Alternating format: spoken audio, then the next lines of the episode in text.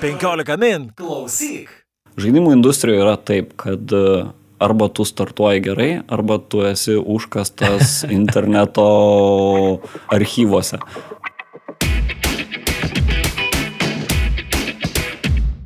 Kaip startuoliai keičia pasaulį? Kokius produktus ir paslaugas kuria lietuviški startuoliai ir kaip jie susiję su globaliomis tendencijomis? Sveiki, esu Lukas Karaitis ir čia laida Technotronika, kurioje kalbinu lietuviškus startuolius. Šiandien tikrai pasikalbėsime apie vaizdo žaidimus, apie jų pardavimo platformas, apie kompiuterinių žaidimų dabartį, bendruomenę, aktualijas ir ateitį.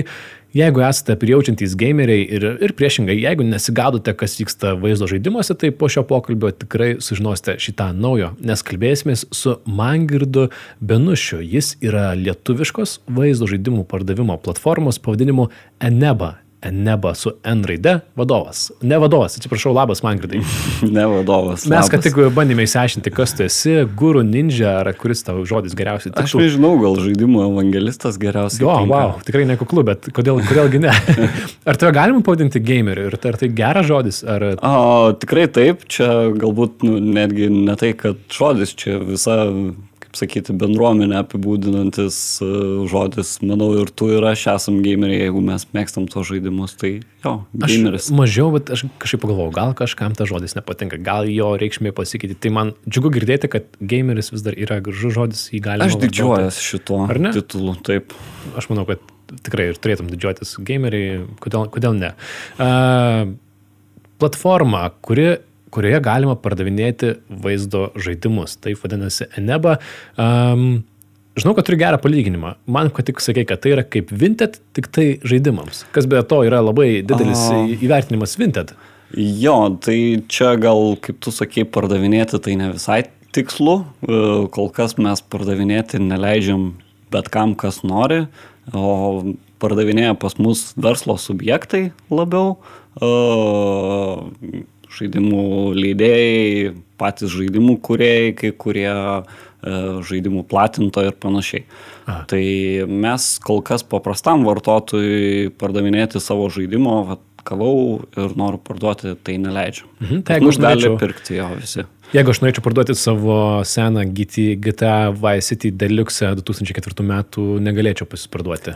Kol kas ne, mhm. bet e, jeigu tu turi diską ir e, norėsi jį parduoti po keletos mėnesių, mes kaip tik dabar dirbam su, šita, su šituo funkcionalumu Eneboje, tai bus įmanoma. Aha, judat krutat. Ir m, mm, pas jūs dirba šiuo metu prie Enebos bema aš plus minus 30 žmonių. Uh, Visai nemaža komanda, galbūt netgi daugiau. Prieš kurį laiką gavote, prieš 3-4 e, mėnesius gavote savo pirmąją investiciją, esate tikrai puikus pradedantysis startuolis judantis, bet pradžioj aš gal kiek skeptiškai paklausiu, kam dar viena žaidimų pardavimo platforma? Juk tokių tikrai yra ir jūs konkurentų tikrai turit. Kuo jūsų geresnė? A, tai mes galbūt esam tokie labiau prie žemės, labiau prie to gamerio, nes mes ne tik pardavinėjom žaidimus, mes bandom kurti tokią savotišką bendruomenę. Mes ir bloginam apie tuos žaidimus ir turim savo ten Discordą su 10 tūkstančių narių, kur pastoviai ten čatina visi apie žaidimus, diskutuojam ir panašiai. Pavyzdžiui, mes dabar labai plečiamės į Latino Amerikos rinkas. Tai tos didžiosios žaidimų platformos, ten tas pats Steamas, Epic Games yra mūsų dideli konkurentai, kurie būtent e, ta, toje antriniai žaidimų rinkoje G2A, tai jie, pavyzdžiui, nepagalvoja, e, kad ne visi vartotojai turi tas kreditinės kortelės, PayPal sąskaitas ir panašiai, jie neturi lokalių mokėjimo būdų ir panašiai. Tai mūsų kaip Enebos tikslas, mes pradedam nuo to. Mes galvojam, kaip pavyzdžiui, jeigu tu esi iš Čilės, nori nusipirkti naują GTA ir negali, nes nu, negali Steam'e Čilės ten banko kortelės e, aktyvuoti ir panašiai. Ir nu, Eneba leidžia tau visą šitą procesą perima savo ir tau atiduoda tiesiog žaidimą. Mhm. E, Steamas, tiems, kas nežino, yra populiari e, žaidimų pardavimo platforma, populiaresnė šią akimirką kol kas dar, vis dar kol kas už Eneba. Gerokai. Tu, gerokai. Mes pardavinėjame iš esmės Steamo žaidimus A. savo platformoje. Mhm. Tai tu nusiperki raktą ir į Steamą įkauni. Mhm. Bet nebereikalo paminėjai Pietų Ameriką, kodėl jūs taikotės ten, kodėl ten yra jūsų rinka, kuo, kuo ypatinga Pietų Amerika? Paprasčiausiai atsakant, tai tiesiog nes konkurentai juos ignoruoja. E, ten galbūt nėra ta žaidimų, tų žaidėjų bendruomenė tokia moki ar labai didelė, bet jie vis tiek turi tą patį internetą, jie žiūri tuos pačius video, skaito tas pačias naujienas ir jie irgi norėtų tapti tos didelės pasaulietinės e, žaidimų bendruomenės dalimi, bet ne visada turi galimybių tam.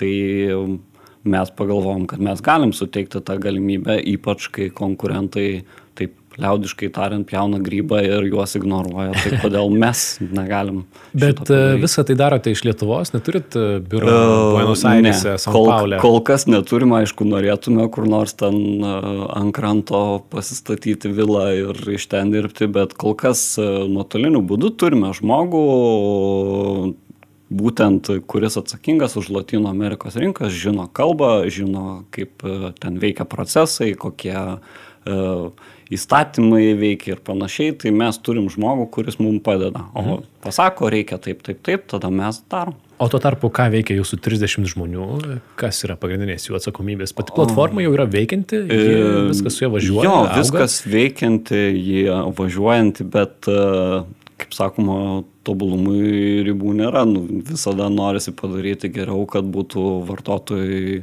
patogiau, geriau ir panašiai. Nuolat plečiam savo suporto komanda, taip vadinama, kuria nu, visada bet kokioj prekybos sferoje atsiranda kažkokių nesklandumų, kažkas neveikia, kažkas gavo ne tai, ką nusipirko ir panašiai. Tai mes bandom šitą procesą supaprastinti. O dabar labai didžiuojamės, kad pas mus, jeigu kažkas patiria ten kažkokių nesklandumų platformai, tai pas mus dabar vidutinis atsakymo greitis į bet kokią ten išių, sakykime, yra iki 15 minučių. Tai mhm. tiesiog mes kartais net geriau dirbam už kai kuriuos ten žaidimų kuriejus. Tai. Mhm. Ir visgi e, jūs neleidžiat pardavinėti bet kam žaidimus pas jūs. Kodėl taip yra? Kodėl gali pardavinėti tik tai kas gali pardavinėti didmenininkai, kaip tai reikėtų e. Taip, ir šiaip dar aš jūsų trumpai, bet tas žaidimų pardavinėjimas, aš šią, šią akimirką jo nesuprantu, kadangi žaidimai pardavinėjami yra iš gausybės platformų, kai kurie žaidimų kuriejai pardavinėja tik tiesiogiai per save, reikia eiti į jų interneto svetainę, man atrodo, kad visame tame yra daug painiavos. Taip, yra daug painiavos, bet čia tokia paini žaidimų industrija visą, kaip pasakyti, nes yra žaidimai regionais, yra, pavyzdžiui, Lietuva iki pat šiol neturi PlayStation regiono, mes lietuviai, Lietuva yra pati populiariausia konsolė PlayStation.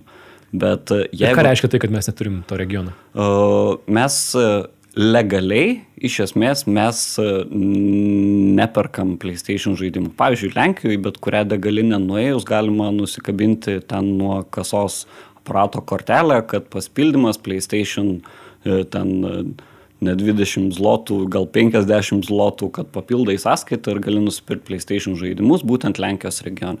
Lietuva tokio regiono neturi. Dauguma lietuvių, pavyzdžiui, yra uh, United Kingdom.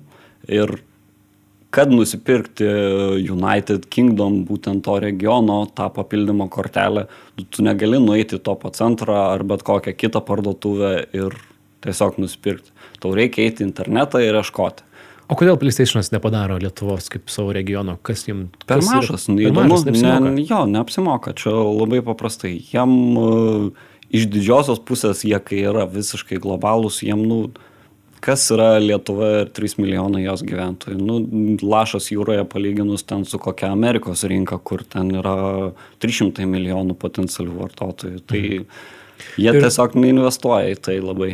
Ir tie, kurie parduoda žaidimus per jūsų platformas, kas jie yra ir iš kur jie gauna tos žaidimus? Ar jie juos pažaidžia, panaudoja ir tada parduoda, ar kaip tai vyksta? Mm, ne, tai dažniausiai būna, kaip sakyti, irgi verslus labai žmonės, e, dažniausiai ne, ne žmonės, o kažkokie verslo unitai, taip sakykime, kurie perka raktus e, žaidimų urmo. Sakykime, yra ten kokia nors akcija tam tikram žaidimui, tam tikram regione ir jis parduodamas ten 50 procentų nuolaidą ir jis nusiperka daug tų kopijų su intencija paskui jas perparduoti. Mm. Tam tikra investavimo forma. Taip, tam tikra investavimo forma. Ir jis, ir jis gali tuos raktus perparduoti jau kitame regione, nebūtinai tame pačiame. Uh, kaip tai veikia?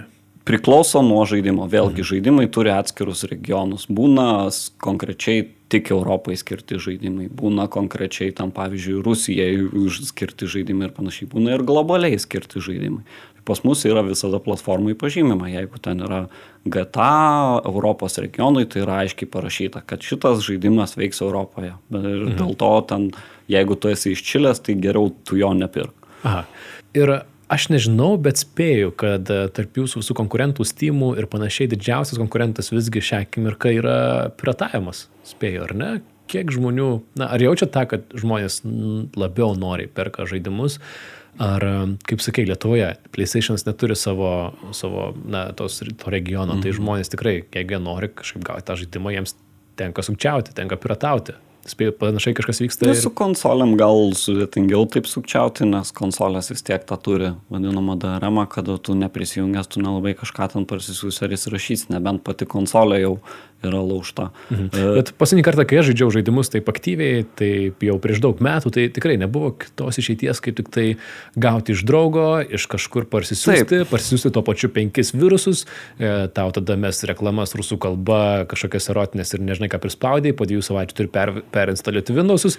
Laikai pasikeitė, ar įpročiai pasikeitė? Ar A. Aš manyčiau, kad vat, būtent dėl tokių platformų kaip Eneba, kurios e, tą patį produktą, kuris kainuoja parduotuvėje 60 eurų, 70 eurų ar kažkokią sumą, kur tu gali ateiti už 20-30 eurų nusipirkti ir iš karto jį gauti į elektroninį paštą laišką, aktyvuoti ir žaisti, e, tą piratavimą mažina. Tada tu pagalvoji, ar man iš tikrųjų verta rizikuoti ir kažką piratauti, krekinti, kažką ten žaisti su kodu, ar tiesiog sumokėti mažesnę tą sumą, kuri nebeatrodo tokia baisi ir nusipirkti jį. Taip, tai taip įvyko su Netflix ir, ir kitais, kitomis paslaugomis, kur tiesiog nusipirkti tapo daug patogiau, paprasčiau ir galų gale galbūt ir mūsų supratimas pasikeitė, kad reikia pirkti ir paremti, bet Netflixas ar HBO ar dar kiti platformos atrodo veikia paprasčiau. Čia žaidimuose kaip ir tų platformų vis dar yra, kaip suprantu, ne viena, ne dvi jos dar tarpusavyje konkuruoja, Kariauja. stumdos ir kariauja, ar ne? Ir, na, kuo jos, kuo jos konkuruoja? Ar tiesa, kad labai svarbu tokiam platformom um, reputacija? Aš taip įsivaizduoju, kadangi kiek man teko, kiek aš žinau, gameriai yra tokia bendruomenė, na, kuri aktyvi, kuri seka, kas vyksta, kuri nenusileidžia į matą kažkokį ne, nemalonumą. Tai tas, um, tos reputacijos, kaip suprantu, jums irgi taip pat ją reikia užsiauginti, kad būtum žinomas. E, Taip, nu, reputacija visada, mūsų reputacija dažniausiai priklauso nuo to, kaip mes e, gerai, nu, vėlgi, Eneba nėra žaidimų platforma, labiau tai yra e-komercijos projektas, kur mes suteikiam galimybę tiem, kurie pardavinėja žaidimus, juos parduoti paprasčiau, apeinant visus tuos e, legal dalykus, kurių jie šiaip nenorėtų investuoti pinigus. Nu, pavyzdžiui, leidėjas norėtų pardavinėti savo žaidimą ten, nežinau, X šalyje, bet jam ten reikia išsimti licenciją, susitvarkyti visą šitą dalyką ir panašiai. Eneba jau vat, pasiūlo sprendimą, mes vat, esam sutvarkę, tu ateik į Eneba, parduosi savo žaidimus ir tau nereiks viso to rūpintis, tuo pasirūpinsim mes. Ir žinai, mes kalbam apie kompiuterinius žaidimus ir aš galvoju, tie, kas tų kompiuterinių žaidimų nežaidė, tai tikriausiai galvoja, ką jūs čia kalbate apie tokį nišinį reikalą. Kažkas žaidžia tos žaidimus, tebūnie, tegul žaidžia, o kitiems, kodėl tai turėtų būti įdomu, bet gal gali šiek tiek papasakoti, kokio dydžio yra žaidimų rinka, nes ten faktai ir nefaktai sklando laisvai. Ar jinai iš tikrųjų yra didesnė už visą pasaulio kino industriją? A, dabar aš nežinau kino industrijos skaičių, bet aš galiu pasakyti, kad žaidimų industrijos skaičiai yra 2019 metų duomenimis, jei neklystu, yra milijo, e, 148,8 milijardo dolerių. Čia visa industrija tiek įvertinta. Tai 48, man atrodo, procentai iš to sudaro mobilieji žaidimai, tai, bet čia jau savaime suprantama, nes mobiliakus visi turi e, kišeniai kažkokį Candy Crush dar kažką visą tą pažaidžia, o likusi dalis yra PC ir konsolės, kur ten panašiai po lygiai išsidalina. Mhm. Kas naujo per pastaruosius kelis metus įvyko žaidimų industrijoje? Be to, kad, na, telefonai tikriausiai praeitas dešimtmetis tuo bus įsimintinas, kad žaidimai telefonuose tikrai gerokai išaugo ir jų parsiuntimai buvo neįtikėtino kiekio ir kaip pats gerai paminėjai, yra tik keli žaidimai, uh, Candy Crushas, Angry Birds ir panašiai, kuriuos žaidė be, be, be, be, be maž kiekvienas. Na ir dar kas įvyko visai įdomaus, tai buvo tokie žaidimai kaip Pokemon Go, kurie taip pat taip. tapo tam tikrų fenomenu, Ką, ką aš praleidžiu, kas dar įdomaus vyko per pastaruosius metus? A, šiaip įdomu galbūt per pastaruosius metus, kad žaidimų kuriejai ir leidėjai tokį biški naują modelį, kaip sakyti, žaidimų implementino, kad dabar daugelis kompanijų, ypač didelių kompanijų, pradeda galvoti, kad verta leisti žaidimus nemokamai ir tada jos apmokestinti tam tikrais žaidimo pirkimais. Mm. Ten season pesai visokie, papildomi kosmetiniai dalykai ir panašiai. Tas pats Fortnite'as, kuris yra dabar visiškas kosmosas fenomenas ir panašiai, jis yra visiškai nemokamas, nu, bet uh, Epic Games kompanija nu, dabar, nežinau, maudosi ten piniguose tikriausiai. Mhm.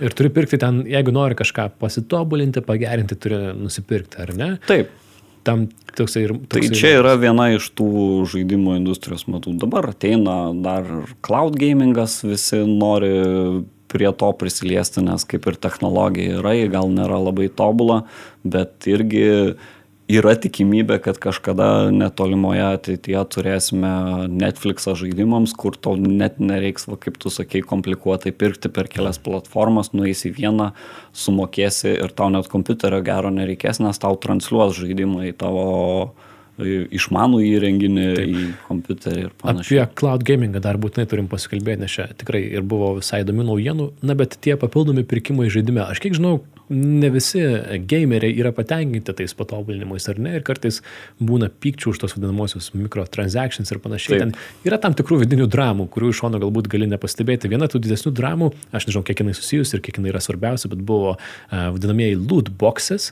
Kaip į lietuviškai verstusi? A, nežinau, lobių dėžės. Lobių dėžės. Kas tai, kas tai yra ir kodėl jos kai kur buvo uždraustos? A, pats konceptas lobių dėžės, nu, jis pakeičia iš esmės tradicinę, kaip mes buvom pratę, vat, senesnio kirpimo gameriai, nu, supratę žaidimo progresiją. Seniau būdavo, kad tu ten perėjai lygį, kažką padarėjai žaidime, gavai tam tikrą uh, apdovanojimą.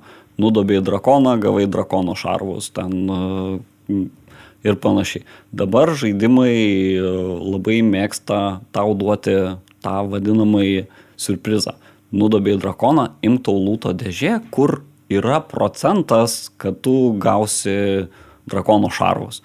Jis ne šimtaprocentinis, galbūt net ne 20 procentų, bet yra tikimybė.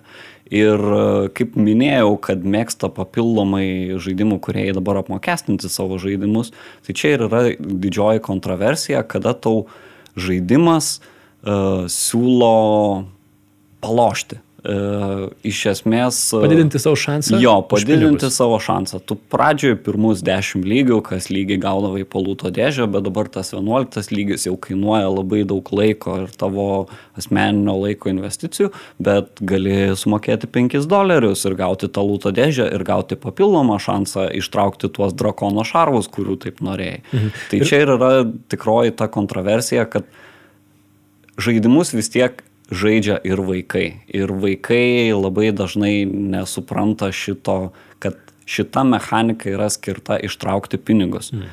Ir... Nes iš tikrųjų labai su azartina žaidima, ar ne? Taip. Tu tai gaunasi savotiškas nori... slot machine, taip, taip, kad e, tu įmes pinigus ir galbūt kažką laimėsi, bet galbūt ir ne, bet mm. galėsi dar pamėginti, ir dar pamėginti, ir dar pamėginti. Ir e, žinau, kad e, bent jau berots Belgija uždraudė tokias Taip. lootboxes, ar ne?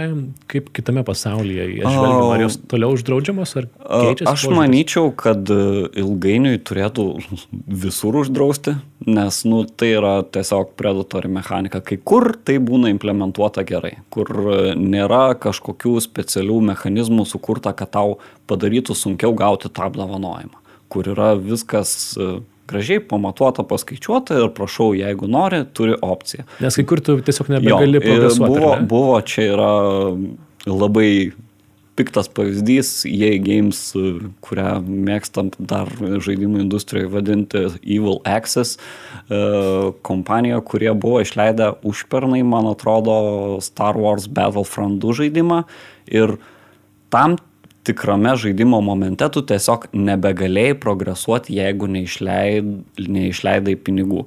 Iš esmės tai ir papiktino daugelį industrijos, nes vaikai norėjo, taigi aš noriu jodos, ten skino kažkokio ir panašiai. Vaikai nori ir suaugę sako, bet nu jis kainuoja 20 dolerių ir tu jo nekausi beveik garantuotai. Ir žaidimų industrija taip susivienijo, sakykim taip, ir parodė pasakė niu, niu, niu. Ir dar, tada prasidėjo. Dar ir parodė, nes EA, EA Games tai buvo, na, ant karštųjų pasodinti. Ten buvo Reddito labiausiai downvoted e, threadas, man atrodo, tais metais. Jie susilaukė labai daug neapykantos ir netgi nežinodamas, kas vyksta, galėjai matyti, kad kažkodėl pasaulis, o tiksliau gameriai, kurių pasaulyje yra labai daug, EA Games nemėgsta ir jos, Taip, jos kariauja. Ir vat, būtent šitas atvejis ir uh, pagimdė tą, kaip pasakyti, susirūpinimą iš valdžios organų, kad čia iš tikrųjų blogai. Belgija buvo pirmoji, bet uh, dabar UK vyksta, uh, kviečiasi tuo pačiu jie didžiųjų kompanijų atstovus ir prašo paaiškinti, kas čia vyksta, kaip vyksta. Uh, reguliaciniai mechanizmai, bet kokiu atveju jie jau atsiradinėja ir jų kuo toliau bus, tuo daugiau ir greičiausiai žaidimų industrija ilgainiui turėtų nuo lūto dėžių ir šitų mechanikų pasukti tolimiau, nes tiesiog. Ir tai atspindi tam tikrą platesnę tendenciją, kad internetinės tos visos, ta tendencija prieš internetinės mechanikas, kurios, na, įtraukia per stipriai ir ar tai išvilioja pinigus, ar tai dėmesį vagia taip, kad žmonės praleidžia internete labai daug laiko. Yra tam tikra tendencija, kad tos mechanikas dabar uh, žmonės prieš jas sukyla. Ir dar labai įdomus dalykas, ką norėjau paminėti, ką būtinai turim pakalbėti, tai cloud gamingas, tai yra žaidimai debesyje, taip mhm. pavadinkime. Mhm. Google Stadia sukėlė tikrai didelius lūkesčius, jei neklystu, jie apie tai paskelbė prieš metus ar daugiau. Taip. Ir jie davė tokį neįtikėtiną pažadą, kad tu žiūri uh, YouTube'e filmuką apie kompiuterinį žaidimą, žiūri jo trailerį vadinamąjį ir paspaudi vieną mygtuką ir tu jau atsiduri jame ir jį žaidi. Taip. Neparsisiuntęs. Tas nieko. pažadas vis dar dabar yra neįtikėtinas Ar ne? iš tikrųjų. Taip. Visą tai ir toliau, nes stadija jau veikia. Taip, e, ji veikia, jie pas, iš tikrųjų, kai visas šitas dalykas anonsuotas, jis nėra tai labai nauja idėja. Tai apie šitą dalyką jau dešimt metų žaidimų industrija kalba ir niekada nebuvo kompanijos, kuri turėtų tiek resursų ir tiek Būtent. infrastruktūros. Tikriausiai tą pažadą ir Taip. dėl to tai visi susižavėjo, nes ne bet kas tai nes siūlo. Nes tada Google. visi, jo, Google siūlo, taigi Google serveriai yra praktiškai kiekvienoje šalyje, regione ir jie kas jau kas, bet jie tikrai turi galimybę tai gyvendinti gerai. Ir štai ateina 2019 metai, 2019 metų pabaiga, Google Stadia pasileidžia keliose šalise su sąrašu 12, man atrodo, žaidimų berots veikia starto metu. Tai tie, kurie yra tikrai užkėtėję žaidėjai, tie, kurie numėgsta, aš nežinau, aš mėgstu daugiau negu 12 žaidimų per mėnesį bent jau įsijungti. Tai man trūko vertės šitame pasiūlyme. Ir juolab, kad ta vertė jau pasiūlyta yra dar irgi diskutuotina. Yra žaidimų, kur ten, pavyzdžiui, kaip strategijos, civilizacija ir panašiai, kur tu gali žaisti ir nesiparinti dėl lago kažkokio.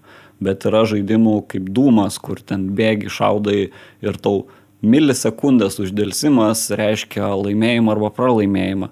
Ir kai Google Stadia šito dalyko ne priemė į savo fokusą kaip pagrindinio dalyko, kad tu pristatai cloud gamingą, tai viskas turi veikti tvarkingai. E, kalbėjau su vienu draugu, kuris mėgino užsienį. Sakė, nu, gali pažaisti kai kuriuos žaidimus, bet kai kurie nu, tiesiog nežaidžiami, neįmanoma jų žaisti. Ir galbūt Google ne tik, kad nepaimė to į savo fokusą, bet neišsprendė visgi to technologiškai, nes tai yra sunkus Taip. technologinis iššūkis, kaip padaryti tą tokį nevėlavimą. Aš e, manyčiau, kad Google yra pakankamai protingi, kad jie žinotų, kur jų trūkumai. Ir yra tikėtina, kad jie bėgant laikui tai pradės spręsti, galbūt jau dabar sprendžia. Mhm. Jų pagrindinė problema buvo, kad jie nepagalvojo, žaidimų industrijoje yra taip, kad e, arba tu startuoji gerai, arba tu esi užkastas interneto e, arch, archyvose.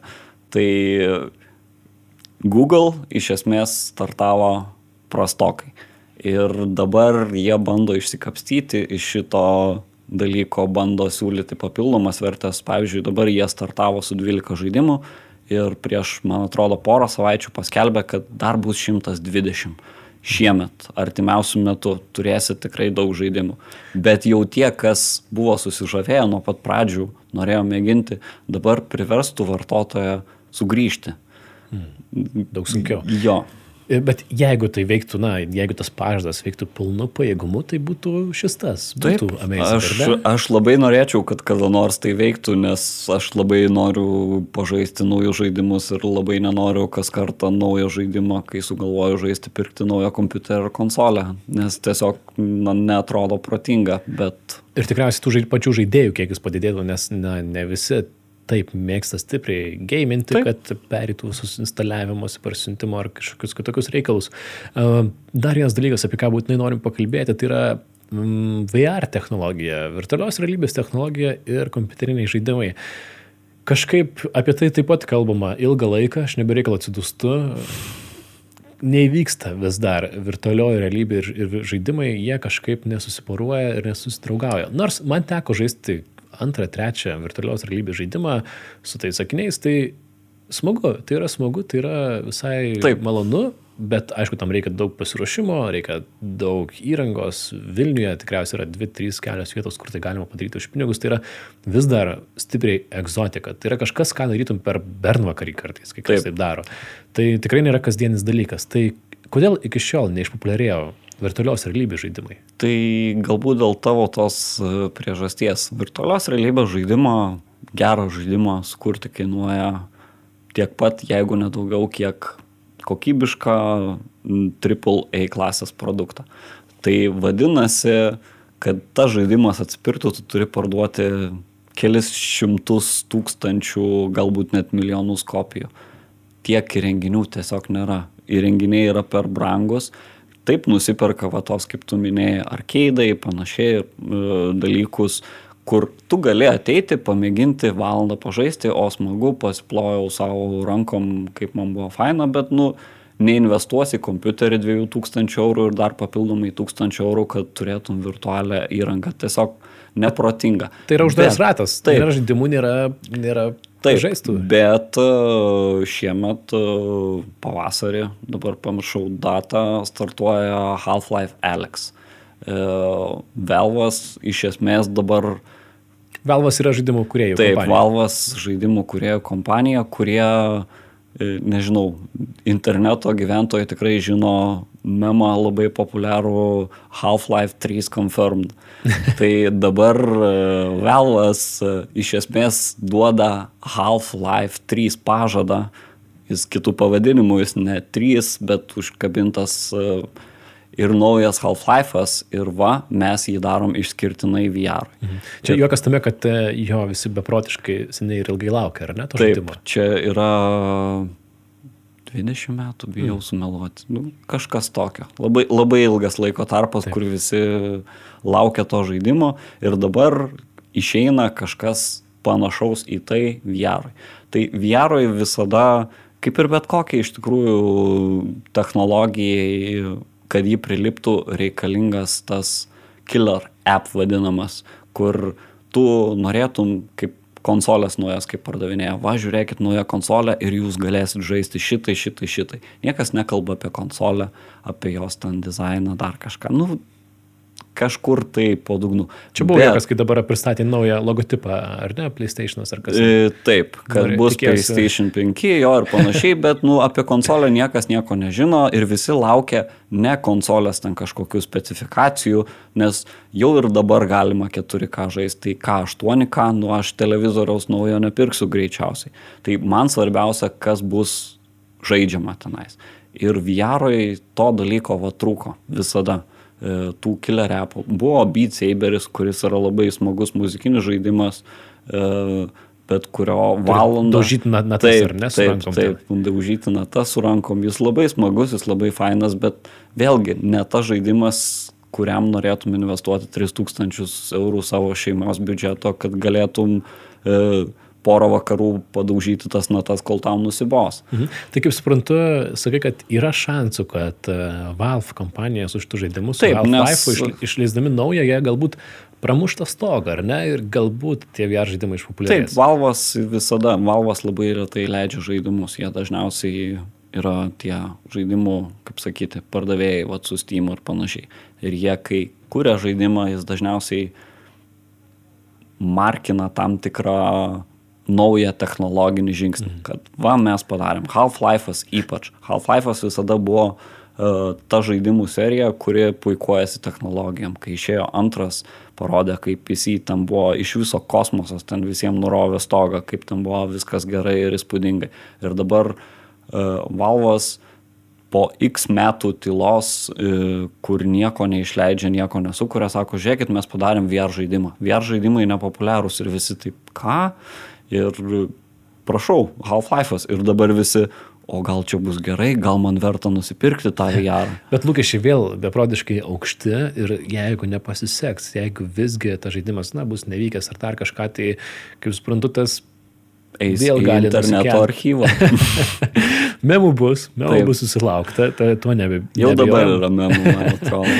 Bet to pačiu tie lūkesčiai bus sudaužyti gamerių. Kaip sakė, juos susigražinti vėl nėra paprasta, tai reiškia, šį pavasarį sužinosim arba VRas paskubės pas mus ateiti, arba jis dar greičiausiai greit neteis. Aš manyčiau, kad jis bet kuriuo atveju kažkada ateis. Kažkada vis tiek ta technologija bus pakankamai pigiai. Jau dabar yra telefonai su gyroskopais ir panašiai, kur VR'as yra ne pats device'as, o laikikliai, kurie turi tam tikrus sensorius ir tau gali, nu, jau, jau pigu skaitosi tada VR'as.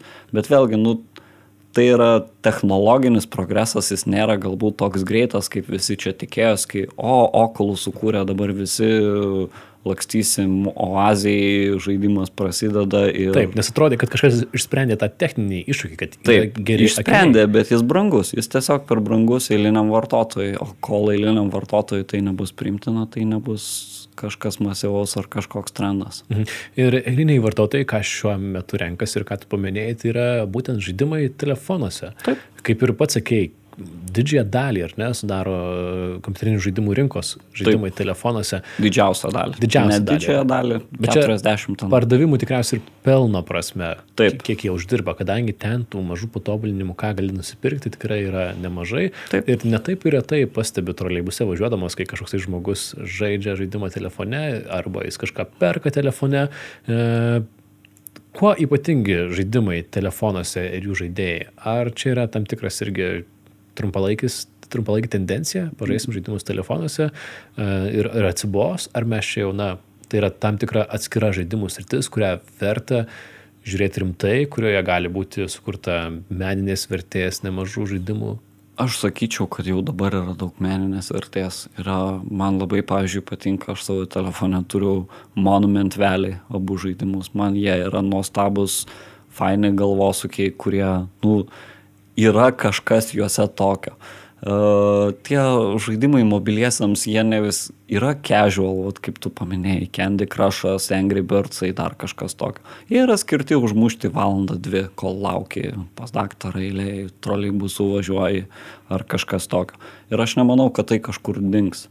Bet uh, dabar žaidimų kuriejai pagal dabartinius telefonus, kokie jie yra savo techniniam specifikacijom prieš 3-4 metus tokie kompiuteriai buvo. Tai dabar tuos žaidimus, kurie buvo prieš 3-4 metus, jau gali pradėti žaisti telefone. Dabar, man atrodo, Biošokas neseniai išėjo, kur ten irgi viena mano mėgstamiausių serijų rimtas labai žaidimas su labai gilia filosofinė potekste. Bet galėjai telefone žaisti, jeigu tik nori. Mhm. Aš atsimenu save prieš keliarius metus pagavau, uh, besirinkdamas naują nešiojamą kompiuterį, supratau, kad mano telefonas tą akimirką yra galingesnis negu mano kompiuteris. Ko kažkada tikrai nebūčiau tikėjęsis. Ir e, be to, kad Half-Life'as išeina pavasarį ir tai, aš suprantu, tai yra tai, ko tu lauki, ko dar lauki šiais metais, arba netgi vis dar kalbam apie naują dešimtmetį, kurie atėjo. Kas yra tie dalykai, kurių, na, tu lauki, kurie galbūt pakeis dar žaidimą? Iš žaidimų aš e, laukiu, kaip tikriausiai ir visi žaidimų industrija, kiek sekantys žmonės, laukiam naujo Lenkų produkto Cyberpunk 2077. Mhm.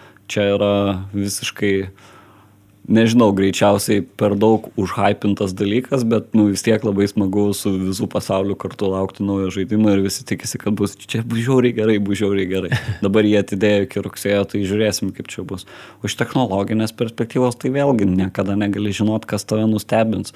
Gali kažkas sugalvoti būdą, kaip tu galėsi um, telefono įsijungti projektorium ir ant bet kokios sienos žaisti, ten valdyti judesiais žaidimus ar mintimis galų gale.